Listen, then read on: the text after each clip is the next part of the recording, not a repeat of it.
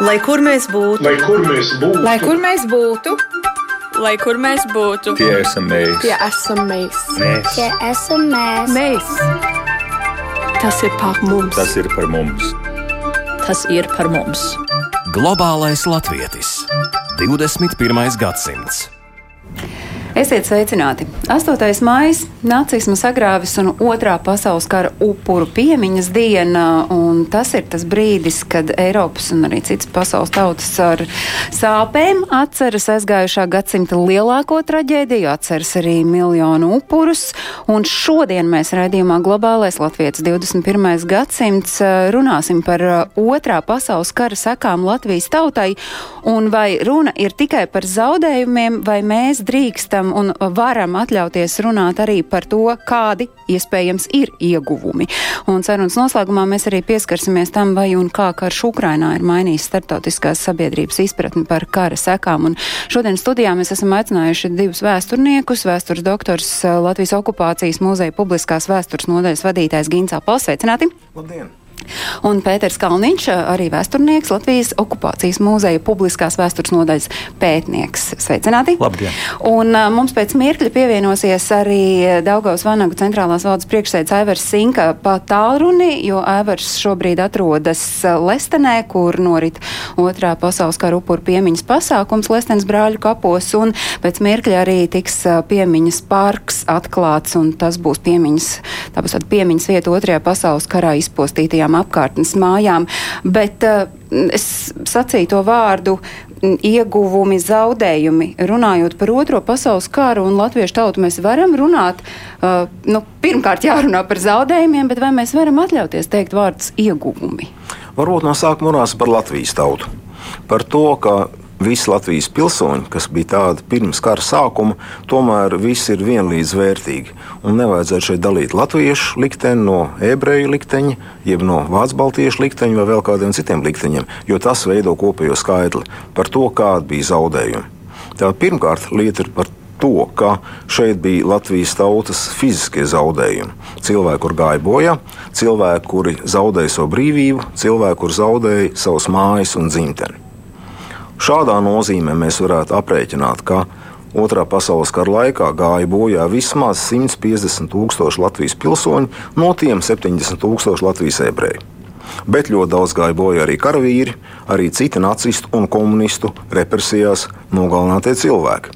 Un tad mēs runājam par to, ka aptuveni 300 tūkstoši cilvēku zaudēja savu brīvību, zaudēja mājas, zaudēja dzimteni. Kopā mēs nonāksim pie skaidra, ka gandrīz 20% ir Latvijas tautas cilvēku resursu zaudējums līdz 45. gada vasarai. Un piebildīsim uzreiz, ka jārunā arī par ekonomiskiem zaudējumiem, ko mēs ļoti bieži aizmirstam. Kāpēc aizmirst tos ekonomiskos zaudējumus? Tas ir diezgan garš stāsts. Tāpēc, ka redziet, abas totalitārās varas, Padomu Savienība un arī Nacistu Vācija neievēroja cilvēku tiesības uz savu īpašumu. Un vispirms, protams, nāca padomu varas īstenotā nacionalizācija. Padomu varas viens no pirmajiem soļiem bija nacionalizēt visu zemi. Tātad tie 60% vairāk Latvijas iedzīvotāju un pilsoņu, kas bija zemnieki, no viņiem lielākā daļa bija arī zemes īpašnieki, un viņi zaudēja īpašuma tiesības uz savu zemi. Lai gan viņi varēja vēl gandrīz desmit gadus kopt savu zemi, dzīvot atsevišķās mājās, bet viņa īpašums jau bija atņemts faktiski. Ja? Bija arī daudz citas naudas reformu, kas kaitēja visiem cilvēkiem. Milzīga inflācija, tobrīd notika reālā inflācija, kā arī tika nacionalizēti noguldījumi, uzņēmumi, nama pilsētās, tirzniecības uzņēmumi, vērtspapīri. Pilnīgi viss tā kā lūk šiem fiziskiem zaudējumiem, kas kā jau es minēju aptuveni gandrīz 20% Latvijas tautas jāliek klāt ekonomiskie zaudējumi, kas skāra gandrīz jebkuru cilvēku šeit. Tas jāņem vērā. Un par iegūmiem man būtu grūti runāt par iegūmiem. Tāpēc, ka kara beigas nozīmē to, ka jā, nacistu Vācija ir sakauta bet Latvijā uzreiz atgriežas padomju totalitārais okupācijas režīms. Un tā ir ļoti svarīga lieta. Latvijā ne politiski, ne vēsturiski, ne arī tautas atmiņā mēs neuzskatām šo brīdi par atbrīvošanu no kaut kā. Tā nav atbrīvošana. Tāpēc, kur vairāk kārt arī minēts, ka faktiski Latvijas otrais pasaules karš beidzas tikai līdz neatkarības atjaunošanu 91. gadā. Un tas ir tas, kas atšķir lielā mērā mūsu reģiona cilvēku pagātnes uztveri no tā, kas valda Rietumē, Eiropā vai arī, arī pasaules mērogā. Kur tiešām uzskata, ka kara beigas tā ir atbrīvošana Francijā, Beļģijā, daudz kur citur. Diemžēl pie mums tā nebija atbrīvošana.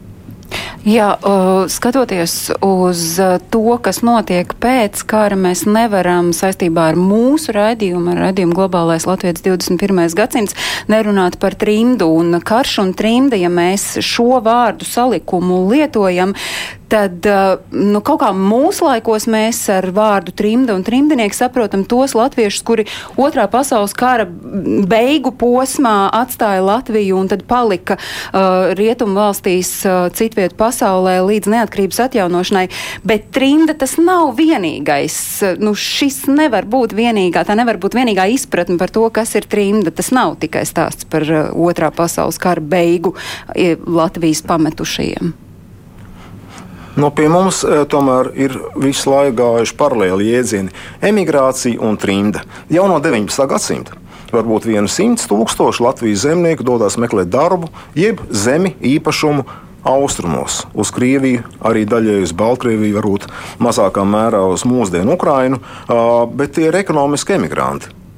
Kur mēs runājam par trimdu, varbūt tie ir jauni strāvnieki, tas ir Rainis un Slabotskas trimda, kur cilvēku par sodu aizsūta dzīvot nometnējumā kādu laiku posmu. Tad šī trimda ir dzimtenes atstāšana piespiedu kārtā, pret savu gribu, nevis ekonomisku motīvu dēļ. Un tādā pašā veidā runāja par 5. gada revolūcijas aktīvistu trimdu, kad viņi bēga no Latvijas teritorijas, lai viņus eh, neskārtu attiecīgi cēra režīmu represijas un sodi.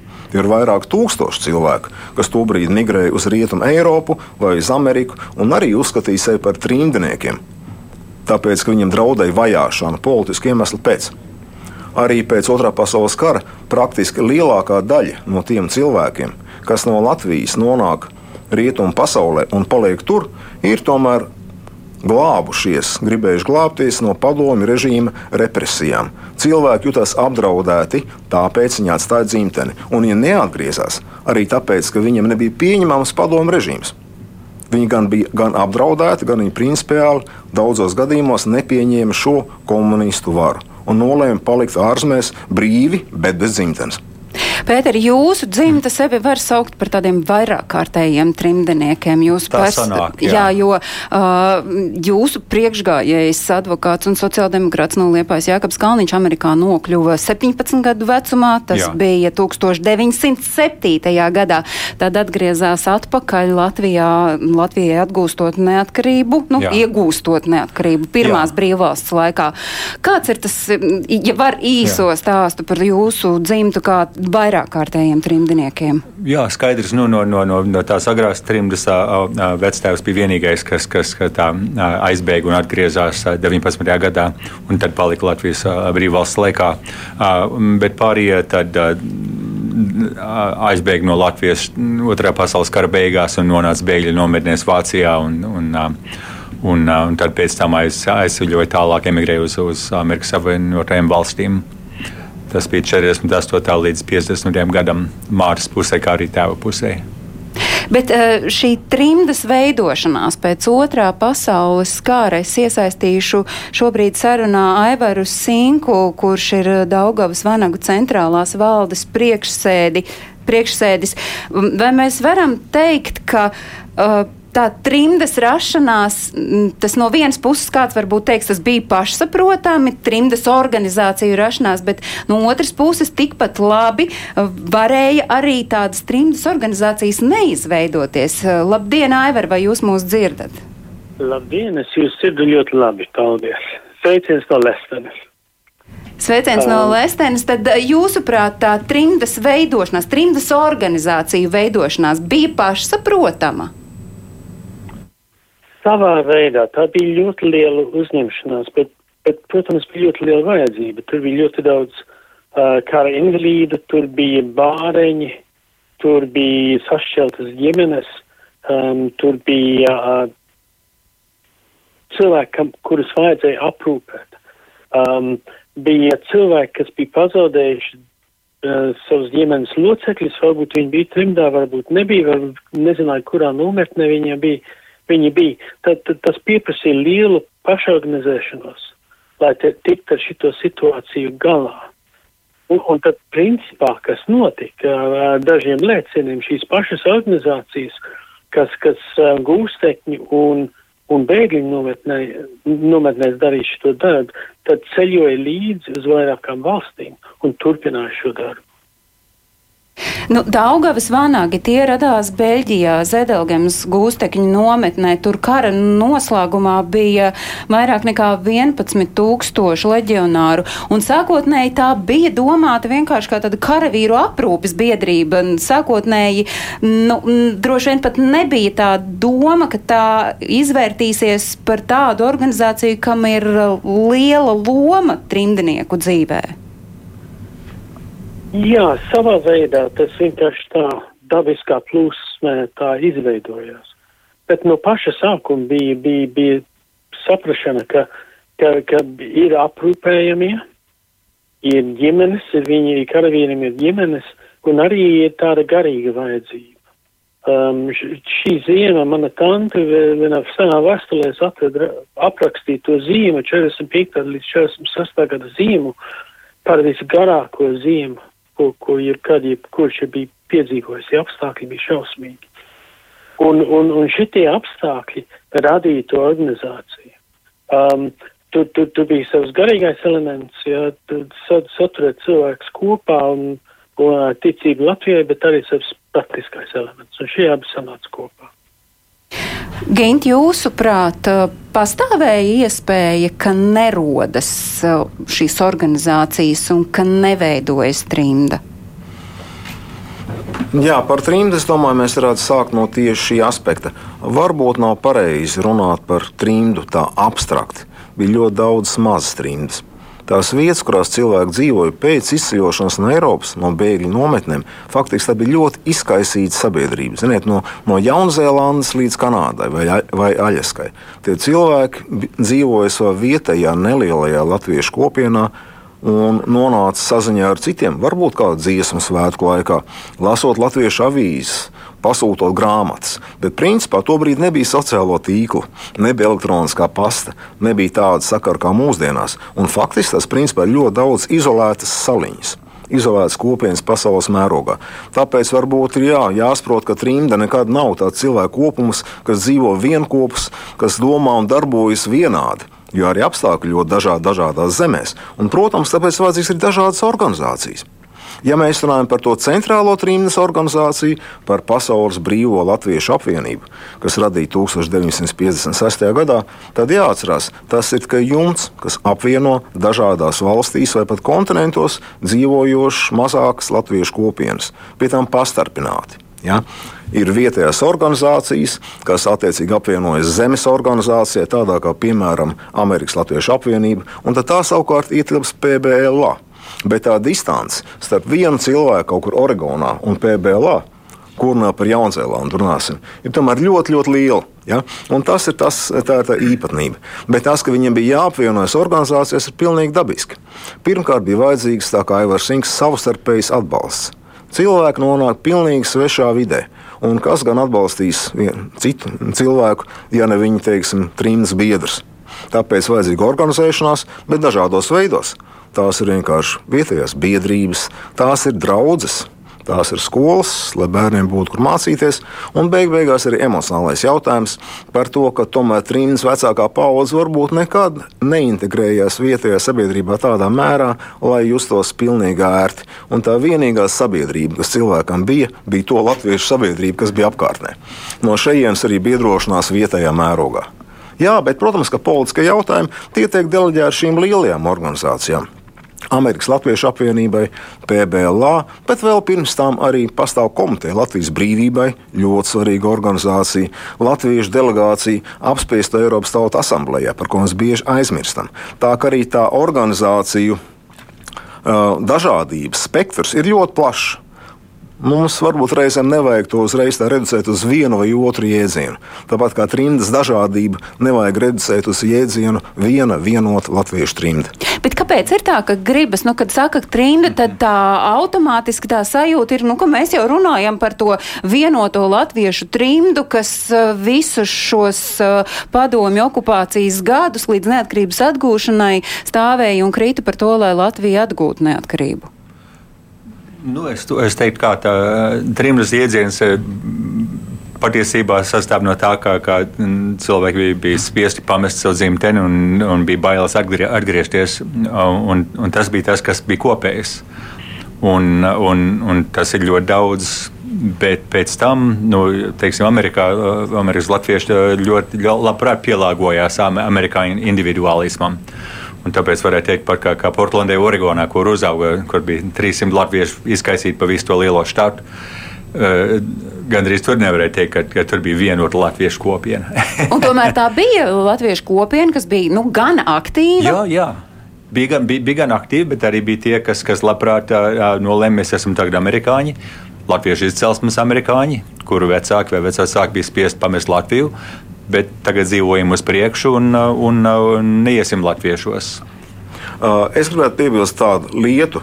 Man kādreiz bija gods un privilēģija strādāt par Oļģertu Pavlovsku palīgu pirms 30 gadiem. Atgādiniet klausītājiem, kas ir Oļģerts. Jā, viņš bija valsts ministrs Latvijas valdībā, vēl pirms tam uh, ievērojams trīnis darbinieks, PBLā priekšādātais Oļģerts Pavlovsks, joprojām starp mums dzīvo Latvijā. Uh, bet uh, jau toreiz viņš teica arī no savas pieredzes, ka faktiski latviešu organizācijās un šajās trījus aktivitātēs regulāri naktī piedalījās esam maksimāli 20% no visiem tiem cilvēkiem, kurus mēs saucam par trimdniekiem. Varbūt tas bija tas kodols, kam bija svarīgi, kas strādāja, ziedoja savu laiku, ziedoja naudu, bet 8% cilvēki nu, varbūt nebija tādi. Un varbūt arī mūsdienu pieredze rāda kaut ko līdzīgu, kas notiek ar cilvēkiem, kuriem tagad ir emigrējuši un kurus mēs saucam par latviešu diasporu ārzemēs. Arī tur šis aktīvisma līmenis ir 10, 20% maksimāli un arī tā palikšana pie latviešu kopienas jaunākajā paudzē droši vien ir, ap, ir aptuveni tāda pati. Es varētu piebilst, ka īrijas gadījumā varbūt ir pat 10%. Diemžēl. Tā kā arī šo lietu nevajag pārspīlēt, bet jūs minējāt vienu citu svarīgu lietu. Tā tad politiski ideāli. Ja? Latvijas brīvība, redziet, tajos apstākļos, šajā trimdā, tas kļūst par identitātes elementu. Jā, cilvēkam, kur domā reliģiski, tāda sava ticības apliecība. Ja? man ir jāstāv par Latvijas brīvību. Arī ar ļoti neskaidru ideju, ko tas konkrēti nozīmēs, kādā veidā to varētu panākt, bet apliecināt savu uzticību Latvijas brīvības un neatkarības idejai, tā ir daļa no trījus identitātes. Ja kāds cilvēks to nedara, tad viņam trījus kopienā nav vietas. Aivar, jūs vēl esat kopā ar mums.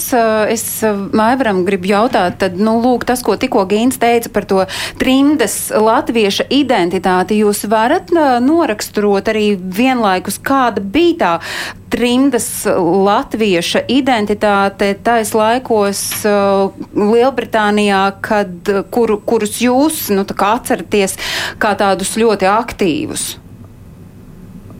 Labi, es, es sākšu plašāk, un tad es runāšu par Angliju. Angliju Te, teiksim, no vienas puses nav pareizi runāt par, par vienu vienotu trimdu, latviešu trimdu, um, jo latvieši nesa, līdz, nesa sev līdz arī savas uh, politiskās atšķirības.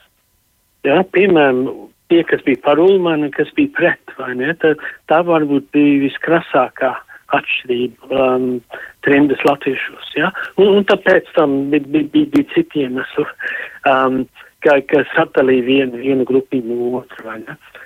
Tomēr ir, bija, bija divi spēcīgi faktori. Viens bija um, tas ideoloģiskais par brīvu Latviju, protams, bet zem tā bija, bija teksti, tad, teiksim, tur bija uzrakstīta ideoloģija, vai, vai, vai tas bija uh, literas, literatūras darbos, tā kā jauns sudrabiņi piemina Latviju, la, piemina Latviju, vai uzrakstīts dokumenti, kā latvieši stāja svešumā, ja, kas ir, ko var atrast okupācijas muzejā pie sienas, arī uzrakstīts. Um, arī organizācijas statūtos, um, piemēram, Dāngos Vanagu arī.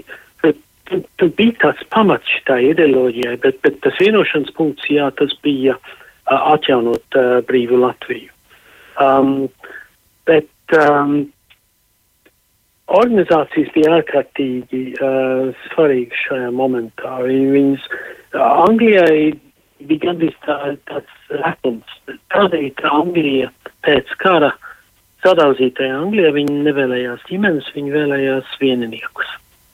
Un šī leģionāra kopiena, kas atbrauc uz Angliju, dzīvo gan četreiz vairāk vīriešu nekā sievietes atbrauc uz Angliju. Um, un, un, un dēļ to uh, Daugas vanaga organizācija bija tieši dominējošā organizācija Anglijā. Toties Amerikā vai Kanādā vai Austrālijā Daugas vanaga bija vien, viena no daudzām organizācijām. Un tā sanāca tā, tā Latvijas kopienā, kur es uzaugu. Um, tieši kas Vanaga bija tas faktors, kas, kas viss savēl kopā, un viņš tā kopējā pieredze e, karalaukā i uh, bēgļu nometnēs, kas veido šito, šito trimdas filozofiju un, un uzvešanos. Un tomēr nu, skaidrs, ka gadu gaitā tā, mm, es nezinu, vai filozofija mainījās, bet nu, trimdas vadība taču mainījās, Aivar. Nu, tā, tā organizāciju, tie, kas pie šprices tur tai vadībā bija?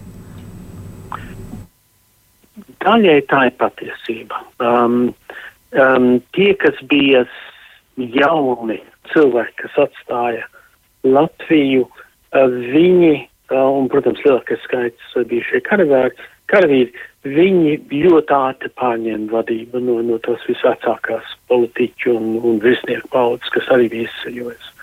Bet šitā, kas oriģināli bija jaunieši, vai ne, uh, 50 gadus vēlāk viņi laba daļa vēl bija pie, pie stūras. Šī bija ārkārtīgi spēcīga paudze un dominējuši skaitliski arī. Um, protams, ar laiku tas ir izmainījies. Es redzu, ka Anglijā pārņēma pa priekš le leģionāru un trimdas paudzes bērni, to skaitot es, Uh, tas ir noticis pēdējos 20 gados, un tagad pārņem lēnām uh, jaunā diaspora. Un, un tas ir arī pareizi. Jo, ja mēs neesam organizēti kā diaspora, tad mēs vienkārši izzudīsim. Aivar, es saprotu, ka jums tūdaļ ir jādodas piemiņas parka atklāšanā, piedalīties. Pareizi. Noraksturojiet, kāda ir tā šodienas sajūta, kāda ir tā šodienas, šodienas noskaņojums, kas valda Lestenes brāļu kapos. Ārkārtīgi skaisti. Mums nu, nu pat bija ļoti, ļoti skaista ceremonija, piemiņas sarīkojums, kur piedalījās bruņoto spēku pārstāvji. Uh, ministriju pārstāvji, um, bija, bija vēstule no valsts prezidenta, um, garīdznieki, ļoti skaists, svinīgs sarīkojums, un, un Nacionāla bruņotas spēku orķestris arī spēlēja, um, kas, kas, kas pazīst to visu lietu ļoti pacilātu. Un, un tagad mēs tūlīt iesim un atklāsim jauno piemiņas parku, kas ir aizlēstāts baznīcas. Un, un, un, kā jūs droši vien zināt, mums tad nākamie plāni šeit uzbūvēt muzeju un tā tālāk. Bet, bet šajā skaistā saulītē, kurzemes tie, tieši vietā, kur, protams, notika šīs lielās kaujas, tad, tas, tas ir vienmēr ļoti emocionāls moments. Šeit.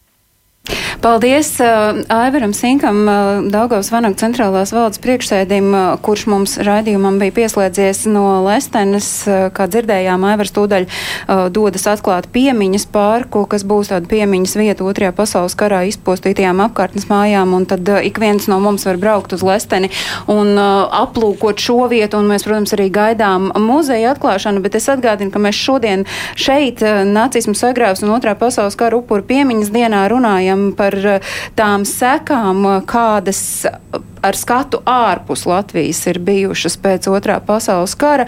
Un uh, Aivars jau ieskicēja to trimdas vadību, bet nu, skaidrs, ka tā trimdas vadība, šīs organizācijas, arī tā politiskā nostāja un sabiedriskās aktivitātes, tās uh, mainījās. Kāda tā bija sākotnēji un tad kā, kā mainījās, kā, kādā virzienā gāja. Neraugoties uz to, ka visu laiku tā brīva Latvija ir tā ideoloģija, kas, kas paliek fonā. Jā, bet mēs jau minējām vairākas reizes šeit, ka brīva Latvija ir ļoti nekonkrēts jēdziens ja mēs sāksim sekot, kāds laigātāji ir mainījies, kas ar to ir saprasts, tad būs ļoti daudz dažādas atšķirības. Arī šodien ja pastāv uzskats, ka trim vienmēr stāvēja par satversmes atjaunošanu, tad nu, arī šeit Sings kungs ir ilustrēja. Bija ļoti daudz cilvēki, kas domāja, ka Ulmaņa režīms ir labs risinājums. Un bija sūtnis Kārlis Zariņš, kurš teica, tad, kad Latvija būs brīva, tad tauta pats lems savu likteni un satversmi. Tur nav jautājumu par to, ka būtu jāatjauno konkrētā 22. gada satversme, tāpat kā parādās jaunas idejas. Latvijas centrālā padome stāvot par satversmes atjaunošanu tikai uz laiku, lai radītu jaunu satversmi, vienlaicīgi rada lozungu, ka ir vajadzīga Baltijas valsts savienība. Tas kaut kas pilnīgi jauns vēl nebijis. Tā kā šeit ļoti daudz nianses, kuras mēs cenšamies vienkāršot līdz pārāk eh, lielam konkrētības līmenim. Uh, taču, jā, kā, kā mainās šī dinamika? Uh, es tā druskuļi pētot šo jautājumu, nesen nonācu pie tā, ka redzēt, tomēr tā paudžu maiņa ir svarīga. Varbūt līdz 70. gadu sākumam arī šīs trindas centrālās organizācijas, PBLA, bet arī Amerikas Latviešu apvienība, vada cilvēki, kas smēlās savu leģitimitāti no pirmskara Latvijas, kas jau bija bijuši vai nu politiķi, vai nu profesori, jeb virsnieki, un tie bija tie vadītāji. Un Tā maiņa nāca tad, kad jau tika ievēlēta vadībā jauna paudze, attiecīgi Amerikas Latvijas apvienības gadījumā ar Uldi Gravu. Tātad cilvēki, kuri jau bija ieguvuši izglītību savā mītnes zemēs, kur bija šo mītnes zeme, zemju pilsoņi. Un tad nāca lielā pārmaiņa. Viņi sāka izmantot jaunas metodes politiskā cīņā.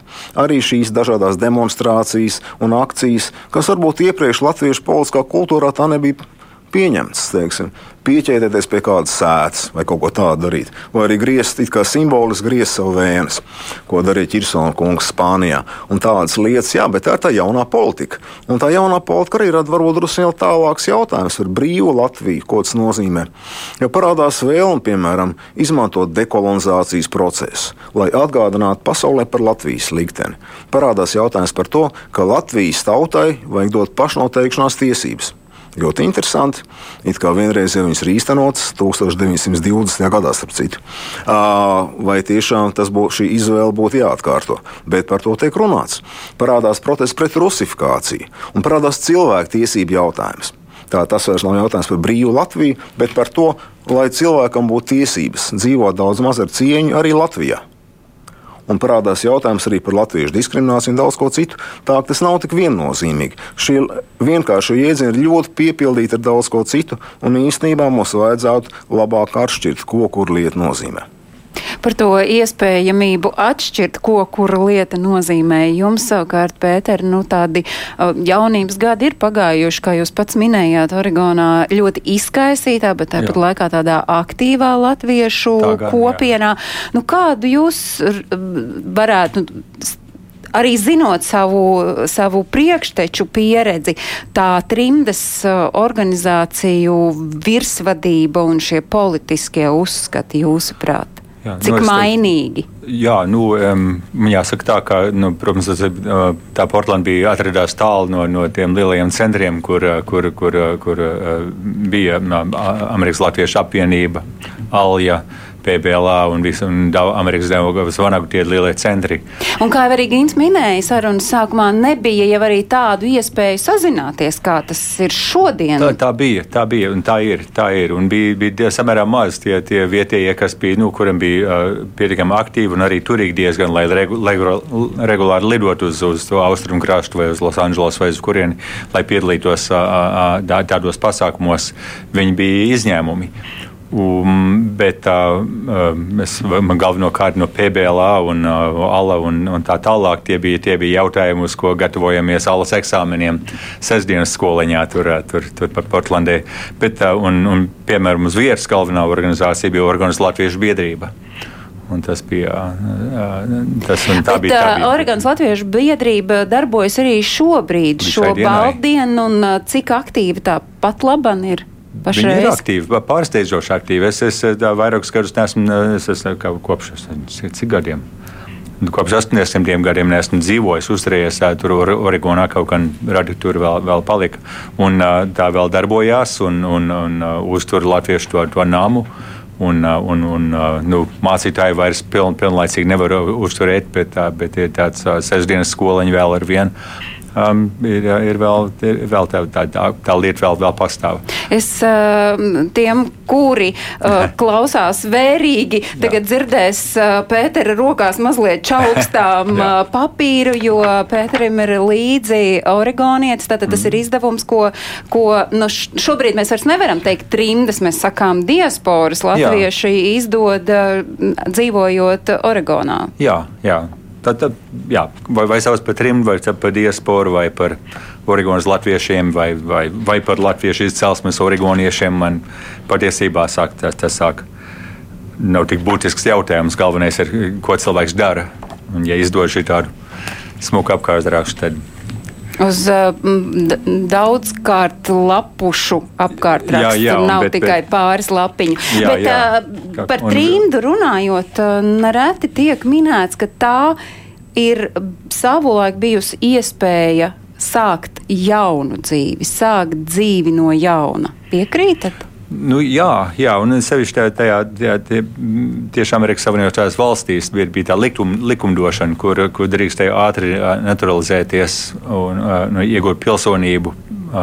Tēvs un visi, visi, visi onkuļi visi dabūja dienēt Amerikas bruņotos spēkos. Bet tas bija tas laik, laikmets, kad viss, kas, kas iz, izdarīja savu militāro dienestu, viņi tad, viņiem tad bija saņēma nu, izdevīgus uh, hipotēkas mājas iepirkšanai un, un, un augstskolu samaksāt no valdības. Tas bija, un tā, un tas, ir, tas, tas, tas, tā bija tāda interesanta situācija, jo tā, tā bija īsta trimta tenī ziņā, ka bija bailes atgriezties dzimtenē.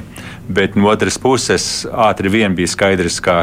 Nu, Varētu teikt, ka palaimējās, ka bija tāda trimda, ka bija tāds, tāds eksils, kā tāda, tā, tāda ka varēja sākt dzīvi tiešām, tiešām jau, jau, jau 50 gados. Nebija, nebija kaut kur jāstrādā kaut kādos mm, šachtās, kaut kur, lai, lai, lai, lai, lai pelnītu savu maizi. Un tomēr, ziniet, tā bija pietiekoši pretrunīga lieta rimdā sākotnēji. Šī mītnes zemes pilsonības pieņemšana, kas nozīmē atteikšanos no Latvijas pilsonības. Un viņa notika diezgan ātri un lielos skaitļos. Un tas arī bija diskusijas objekts. Vai tā nav nodevība pret Latvijas neatkarību? Bet tas bija diskusijas objekts Trimdā. trimdēm, Trimdā. trimdniekiem jā, pašiem. Jā, trimdniekiem, protams, jā. Un tādas lietas kādreiz bija. Blakus nāk vēl cits jautājums par to, ka šī latviešu trimda ir etniska trimda. Balstās kultūrā, valodā, kopējā izcelsmē, latviešu trimda. Un viņā nekādā veidā nav vienojošas platformas vai struktūras ar citiem bijušajiem Latvijas pilsoņiem. Pirmkārt, ar vācu baltiešiem mēs varētu teikt, ka aptuveni 40 tūkstoši vācu baltiešu, kas kara sākuma brīdī, 39. gada septembrī, bija Latvijas pilsoņi un atstāja Latviju nebūtu netik labprāt. Tā nebija brīvprātīga izceļošana. Tomēr ja, kopīgas platformas ar viņiem nebija. Ir Vācu Baltiešu organizācijas, ir Latviešu organizācijas. Nu, pirmkārt, jau bija ļoti senas pretrunas ar Vācu Baltiešu kopienu, kas iesniedz pārāk tā, pilnīgi citā tēmā. Mēs šodien to neatrisināsim. Bet arī šī šķiršanās, arī Latvijas apstākļos starp latviešiem un vācu baltiešiem, ja, viņi atstāja sāpīgas emocijas. Vācu baltiešu pusē noteikti, un latviešu pusē arī atstāja tādu, zinām, tādu nepatiku pret šiem vāciešiem. Ja beig beigās mācīs, ka tie cilvēki ir sveši un nevajadzīgi. Mm. Jā, un bija arī vairāk tūkstoši cilvēku, ebreju, kas bija izdzīvojuši holokaustā. Arī šeit nebija kopīgas platformas. Un tas var būt kaut kādā mērā trūkums, jo trījus dzīve tiek organizēta vienmēr uz šīs etniskās identitātes pamata, etniskās kopienās, kuru veidošanos sekmē kopīgā dzīve Vācijas bēgļu nometnēs, mm -hmm. kas arī veidos pamatā pēc tautības principa. Ja? Mm -hmm. Bet lūk, šī pilsoniska elementa ja? uh, tomēr, diemžēl, pietrūka. Varbūt tie 20 neatkarības gadi bija pārāk īss laiks, lai tāda apziņa izveidotos ka mūsu pilsonība ir tas, kas mūs saista ar valsti, un šī valsts nav latviešu sapnis, ja, bet tā ir viena reāla valsts, kurā dzīvo latvieši un arī citi Latvijas pilsoņi. Un tad mēs nonākam pie atgriešanās Latvijā. Tad tika piesauts, ka trimdas laika tas ideāls bija par brīvu Latviju. Jā, tā kāda tā būs un kas tas īsti ir, tur arī šo gadu gaitā ir mainījusies.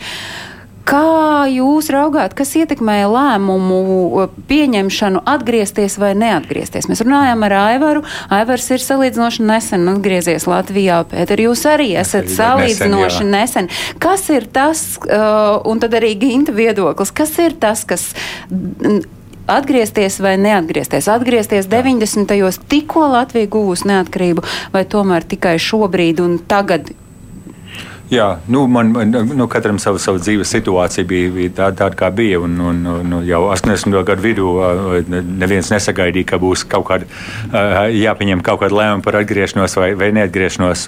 Un tad, kad Latvija atkal atgūs savu neatkarību, tad viss, protams, to gribēja atbalstīt un priecājās par to ļoti. Bet, bet pēkšņi tā, tā, tā, tā atkal uzraud visas saknes no, no, no, no zemes, kurā nu, dzimtās zemes gandrīz visiem tā, tajā brīdī un, un, un pārcelties uz Latviju. Tas, tas, tas bija nu, cilvēkiem arī bija vienkārši bailes. Tas ne, nebija tikai neērti, bet arī, tā, arī valodas trūkums. Nu, es visu, visu mūžu kopu to latviešu valodu, un tomēr dzirdu, ka man tāds mazliet draus to valodu, mazliet akcents ir. Un, un, un tā, tiem, kur, kuriem vājākas valodas spējas, tad, protams, arī viņiem tas viņiem bija bailes, ka tas arī radīs nepatikšanās. Jā, es, es īsti tikai pateikšu par sevi. Man, sanāca iespēja atgriezties arī samērā nesen. Man ir divas meitas, abas beidzot pabeidza savas studijas. Tas, tas bija, bija, viņas bija jāatbalsta, protams, bija jāuztur. Um, es strādāju divus gadus kā skolotājs, un tad, un tad meitas abas kļuva patstāvīgas ātrāk nekā sagaidīju, un, un saņēma piedāvājumu strādāt kā, kā, kā, kā vēsturnieks. Tas arī man, man ļoti patika. Es biju tos divus gadus mācījies no vācu valodu vai angļu valodu, kā svešu valodu. Bija jauki atkal atgriezties vēstures tā, tajā, tajā darbā, bet tas tāds izņēmums, tāds redzes gadījums. Man, man, tas, man tas pašam nāca kā pārsteigums, ka bija tik jauka iespēja nākt un dzīvot Latvijā. Kāds teiks, tas ir liktenis, bet kāds tomēr, nu, skatoties uz to, atgriezties vai neatgriezties, skatās iespējams no citas skatu punkta. Protams, ka katram ir savs tas stāsts, bet nu, kā jums šķiet, Gint, kas ir tas, kas ietekmēja tā lēmuma pieņemšanu braukt uz brīvo Latviju, par kuru ir sapņots un mm, bērnu gados visticamāk dzirdēts ļoti daudz stāstām. Daļai iespējams nekad tā Latvija nebija redzēta pirms tam. Droši vien būtu jāskat šis process no jau vairāku desmitgažu garumā, kad 90. gados parādās sākotnēji lielāks skaits. Trīnas latviešu Latvijā. Tad no viņiem viena daļa paliek šeit un kaut kā iekļaujas bet viena daļa dodas atpakaļ pēc dažiem gadiem, jo Latvija rada zināmu vilšanos. Viņa nav tik labklājīga, viņa nav tik patīkama, kā gribētos tajā laikā, un varbūt vēl joprojām. Jo redziet, tā trimda situācija, kur e, tiek idealizēts viss, kas saistās ar Latviju sestdienas skolās. Protams, ka tas ir e, diezgan tālu no realitātes, jo tālāk iet laiks, jo vairāk aizmirstās, kāda bija dzīve pirms okupācijas, kurai bija gan labās, gan sliktās puses personiskā līmenī. Ļoti bieži bija problēmas arī cilvēkiem. Ja? Pietiekoši daudziem cilvēkiem bija problēmas, bet rindā tas viss aizmirstās. Tā kļūst par tādu pasaku zemi, jūs pornājat ar veciem trimdniekiem. Tā bija tā kuri, ideālā Latvija. Nekad nav bijuši pie gaujas, bet sveicina gauju. Ja? Kāpēc man jāsveicina gauja, ja tu, tu viņu neesi redzējis? Jā. Un ar gauju droši vien nav nekādas saistības. Jā. Es. Eh, radījuma sākumā minēju, ka mm, pavisam īsi pieskarsimies tam, kā jūs redzat šobrīd karu Ukrainā, mainām arī tādu starptautiskās un arī mūsu pašu sabiedrības izpratni par karu un par to, kādas ir karam sekas. Es domāju, ka situācija Ukrainā principiāli neatšķirās no visām citām starptautiskajām krīzēm, kādas mēs esam redzējuši pēc augstā kara beigām. Bet kāpēc mēs to Ukrainu uztveram tik ļoti sāsināti, emocionāli? Man gribētos un... atgādināt, tomēr bija karš Balkānos, bija cilvēku slepkavības, genocīds Srebrenicā, jā, 7000 cilvēku vienā naktī. Uh, bija karš, milzīgs bēgļu traumas, bija genocīds Ruandā, tā gan ir Āfrika, bet um, Bosnija ir Eiropa tomēr. Pēc tam ir arī cits problēmas - karš Afganistānā, bēgļu traumas, karš Irākā. Sudānā, Jemenā mūsdienās un Ukraiņā, jā, protams. Nu, es domāju, ka no tāda vispār cilvēcīga viedokļa nevajadzētu būt principiālai starpībai, kā cilvēks cieš Bosnijā, jeb Ukrainā. Bet kaut kādā Latvijas uztverē ir daudz izteiktāka solidaritāte tieši ar Ukrainu. Un tie pārējie uh, ciešam stāsti kaut kā mūsu cilvēkiem īpaši neaizķerās. Jūs kā vēsturnieks ar ko skaidrojat? traume pirms pāris gadiem, toreiz bija viena kustība, bet tas bija mazākums, kas gribēja palīdzēt sīriešiem vai afgāņiem, kur nāca pāri robežu. Sabiedrības vairākums toreiz nejūt tādu empātiju. Jo tie ir sveši cilvēki, kaut kāda Sīrija, kaut kāda Afganistāna. Tagad pēkšņi viss ir pilnīgi otrādi. Un kas to nosaka? Jā, nu, tomēr kā laikam cilvēkiem kaut kādā mērā uh, dzīvo līdzi šīs neatrisinātās padomu perioda traumas un problēmas, kuras cilvēki uzskata par kopīgām. Un šī lieta, ka pārnest padomu režīmu vainu uz Krieviju vai pat visu Krievu tautu, tā ir diemžēl vienā daļā cilvēka tāda reāla tendence. Kā saka, norēķināties par pagātni, jo tā norēķināšanās nav notikusi. Un tajā brīdī liekas, ka šī padomu pagātne ir kopīga latviešiem un ukrāņiem, ka mēs esam pilnīgi vienādi. Nu, man žēl to teikt, bet vēsturniekiem parasti gribētos atgādināt to, ka Latvijas un Ukraiņas vēsturē ir dažas lietas kopīgas, bet daudz vairāk lietu rašīgas.